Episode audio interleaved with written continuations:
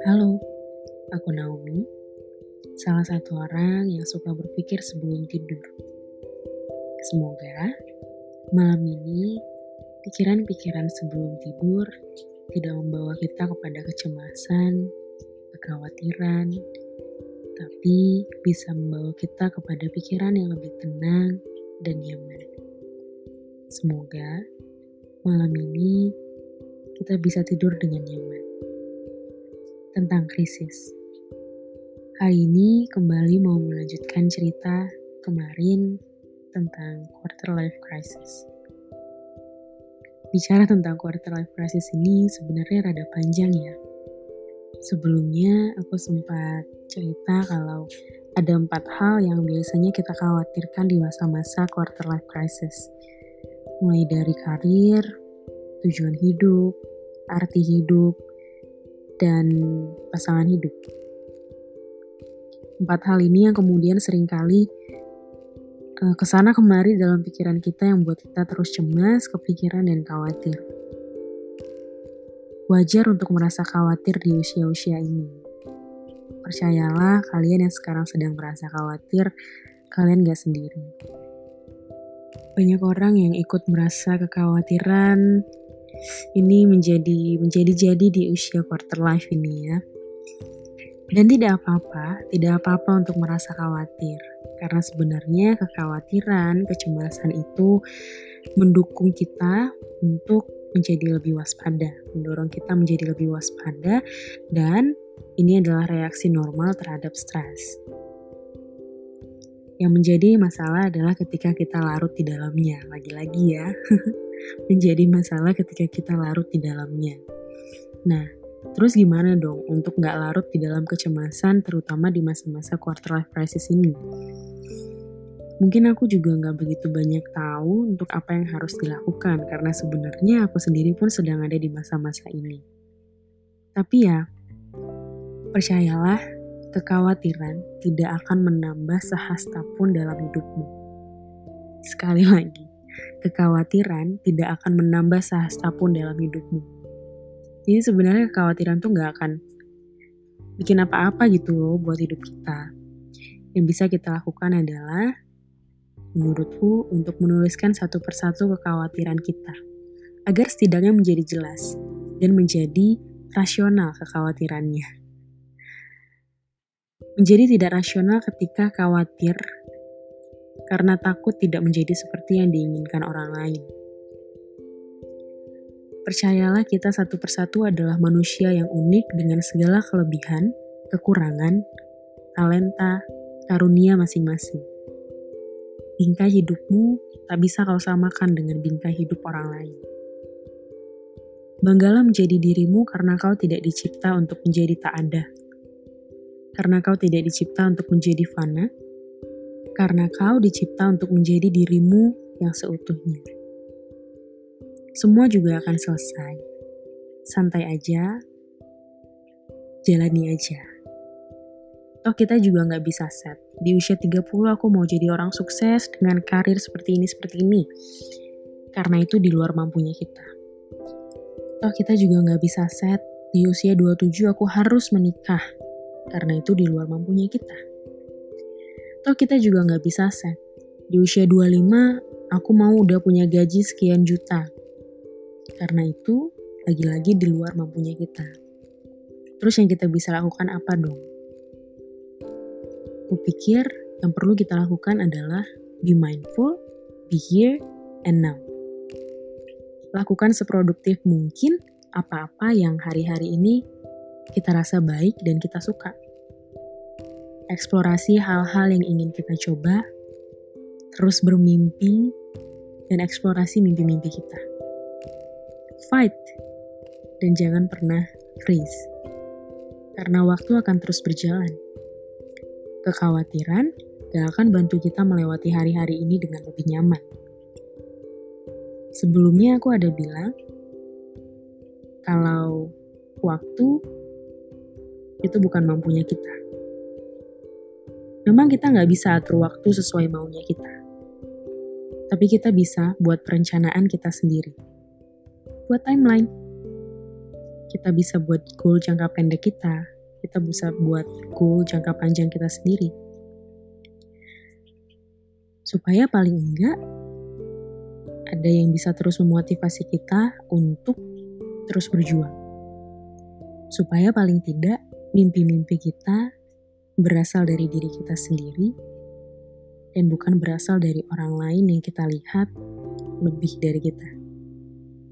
Waktu kita merasa khawatir di usia quarter life ini, kupikir penting untuk cari tahu dan gali lebih dalam tentang kekhawatiran kita. Tuliskan satu persatu kekhawatiran kita. Agar semuanya itu jadi jelas dan semuanya itu jadi rasional. Kadang-kadang kalau hanya terus dipikirkan, kita mulai mengkhawatirkan hal-hal yang sebenarnya udah gak masuk akal. Jadi, tuliskan saja satu persatu apa yang sebenarnya buat kita khawatir. Dan gali, apakah benar kita khawatir sebatas tentang dengan siapa aku akan menjalani hidupku nanti seumur hidupku? Atau kita khawatir karena keluarga yang sudah mewanti-wanti. Apakah benar kita khawatir tentang sebatas mau jadi apa aku nanti? Atau kita khawatir karena ingin dianggap ada. Apakah benar kita khawatir tentang apa tujuan hidupku nanti? Aku harus jadi orang seperti apa? Atau sebenarnya kita khawatir karena melihat orang lain yang sudah mencapai titik tertentu. Penting untuk kita terus menggali asal muasal kekhawatiran kita supaya kita nggak terjebak di dalam isu-isu yang sebenarnya tidak penting. Misalnya, contoh sederhananya, merasa penting untuk punya pasangan di usia sekarang. Ketika digali, ternyata karena keluarga yang sudah mewanti-wanti. Coba kita pikir sama-sama, apakah ini menjadi satu garis lurus yang Berarti ketika kita menikah karena disuruh keluarga. Toh yang menjalani pernikahan nanti kan kita. Tentu bukan itu yang menjadi poin utama pemikiran. Ya nggak sih? Ya itu contoh sederhananya. Demikian juga dengan karir dan yang lainnya. Nah, banyak orang yang kemudian jatuh dalam kecemasan berlebih waktu berada dalam masa-masa quarter life crisis. Kalau katanya Garland, banyak klien-kliennya dia itu merasa di usia-usia pertengahan 20 ini merasa tidak puas karena mereka terexposure dengan begitu banyak better option yang bisa dilihat di social media. Sehingga mereka kemudian merasa tidak puas dengan apa yang mereka udah capai saat ini. Apakah kalian juga merasakan hal yang sama dengan klien-kliennya Garland? Kadang-kadang aku sering merasakan hal ini sih. Karena melihat begitu banyak peluang dan begitu banyak orang yang berhasil melalui peluang-peluang itu, kayak, harusnya aku bisa ya jadi kayak gini. Coba aku dulu begini. Mungkin sekarang gak jadi kayak begini. Ya hal-hal semacam itu. Bahkan sampai ada yang juga mengatakan di usia-usia ini dengan begitu banyaknya stresor dan pressure, kemudian berkata, aku nggak lagi mempercayai kemampuanku. Dan aku takut orang-orang menolak aku karena aku nggak bisa ngelakuin apa-apa. Apakah ada yang kemudian merasa seperti ini, teman-teman? Kecemasan kita itu sebenarnya bisa berakar dari apa-apa yang kita lalui jauh sebelumnya. Dan biasanya berakar dari masa-masa kecil kita. Kecemasan kita itu biasanya berakar dari apa-apa yang ada di dalam subconscious mind kita. Subconscious mind itu terbentuk dari jauh sebelum usia kita sekarang. Jadi penting untuk tahu sebenarnya akar kecemasan kita di quarter life crisis ini apa sih sebenarnya. Mungkin spesifik tentang cemas kita bisa bahas nanti ya, dan subconscious mind. Karena seru. Kembali lagi. Terus apa dong yang bisa kita lakukan hari-hari ini? Yang bisa kita lakukan di masa-masa quarter life. Karena memang gak banyak yang bisa kita tentukan dan pastikan. Karena memang banyak hal yang di luar mampunya kita.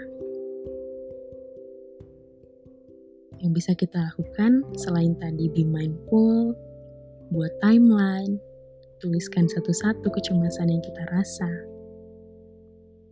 Kita juga perlu untuk bisa jadi berkat buat orang-orang yang ada di sekitar kita bisa kasih dampak positif buat orang-orang yang ada di sekitar kita. Gak usah nunggu hal besar. Lakukan hal kecil aja. Menolong orang, bantu orang-orang yang ada di rumah. Hal-hal kecil aja yang bisa kita lakukan. Karena aku percaya, waktu kita menabur yang baik hari-hari ini, kita juga akan menuai yang baik kok. Penting untuk menanam yang baik-baik di usia-usia ini supaya nanti kita punya nilai-nilai yang benar juga untuk menjalani hidup ke depan. Aku juga ketemu satu kutipan yang bagus banget. Dia bilang gini, You can go faster and faster and faster and get nowhere. Sometimes it's important to accept your life for how it is now, even if it's not where you want to be yet kau bisa pergi lebih cepat, lebih cepat, lebih cepat, dan tidak sampai ke mana-mana. Kadang-kadang penting untuk menerima dirimu, menerima hidupmu sebagaimana adanya saat ini. Bahkan ketika itu belum seperti yang kau inginkan. Jadi, ya sih? Tadi waktu aku baca sih, hmm, iya banget nih saudara-saudari. Penting untuk bisa terima hidup kita saat ini sebagaimana adanya. Walaupun ini belum seperti yang kita inginkan, tapi at least terima dulu. Dan bersyukur untuk keadaan saat ini. Dan bersyukur untuk ada di proses ini. Karena ulat bulu kemudian akan berproses menjadi kupu-kupu. Kita juga akan berproses menjadi yang baik. Karena kita dicipta untuk menjadi ada. Tenang, fokus, be mindful. Nikmati proses yang ada sekarang karena ini gak akan membohongi hasil. Tetap bermimpi, eksplorasi mimpi, dan tetap fight. Tetap punya pengharapan dan jalani dengan sebaik-baiknya pikir itu aja ceritaku hari ini. Semoga teman-teman juga bisa terus semangat. Semoga yang dulu pernah mengalami krisis, yang sekarang sedang mengalami krisis, atau nanti akan mengalami krisis, semua bisa tetap menghadapinya dengan tenang, penuh harapan, dan tetap rasional. Semoga malam ini kita bisa tidur dengan nyaman. Selamat tidur. thank you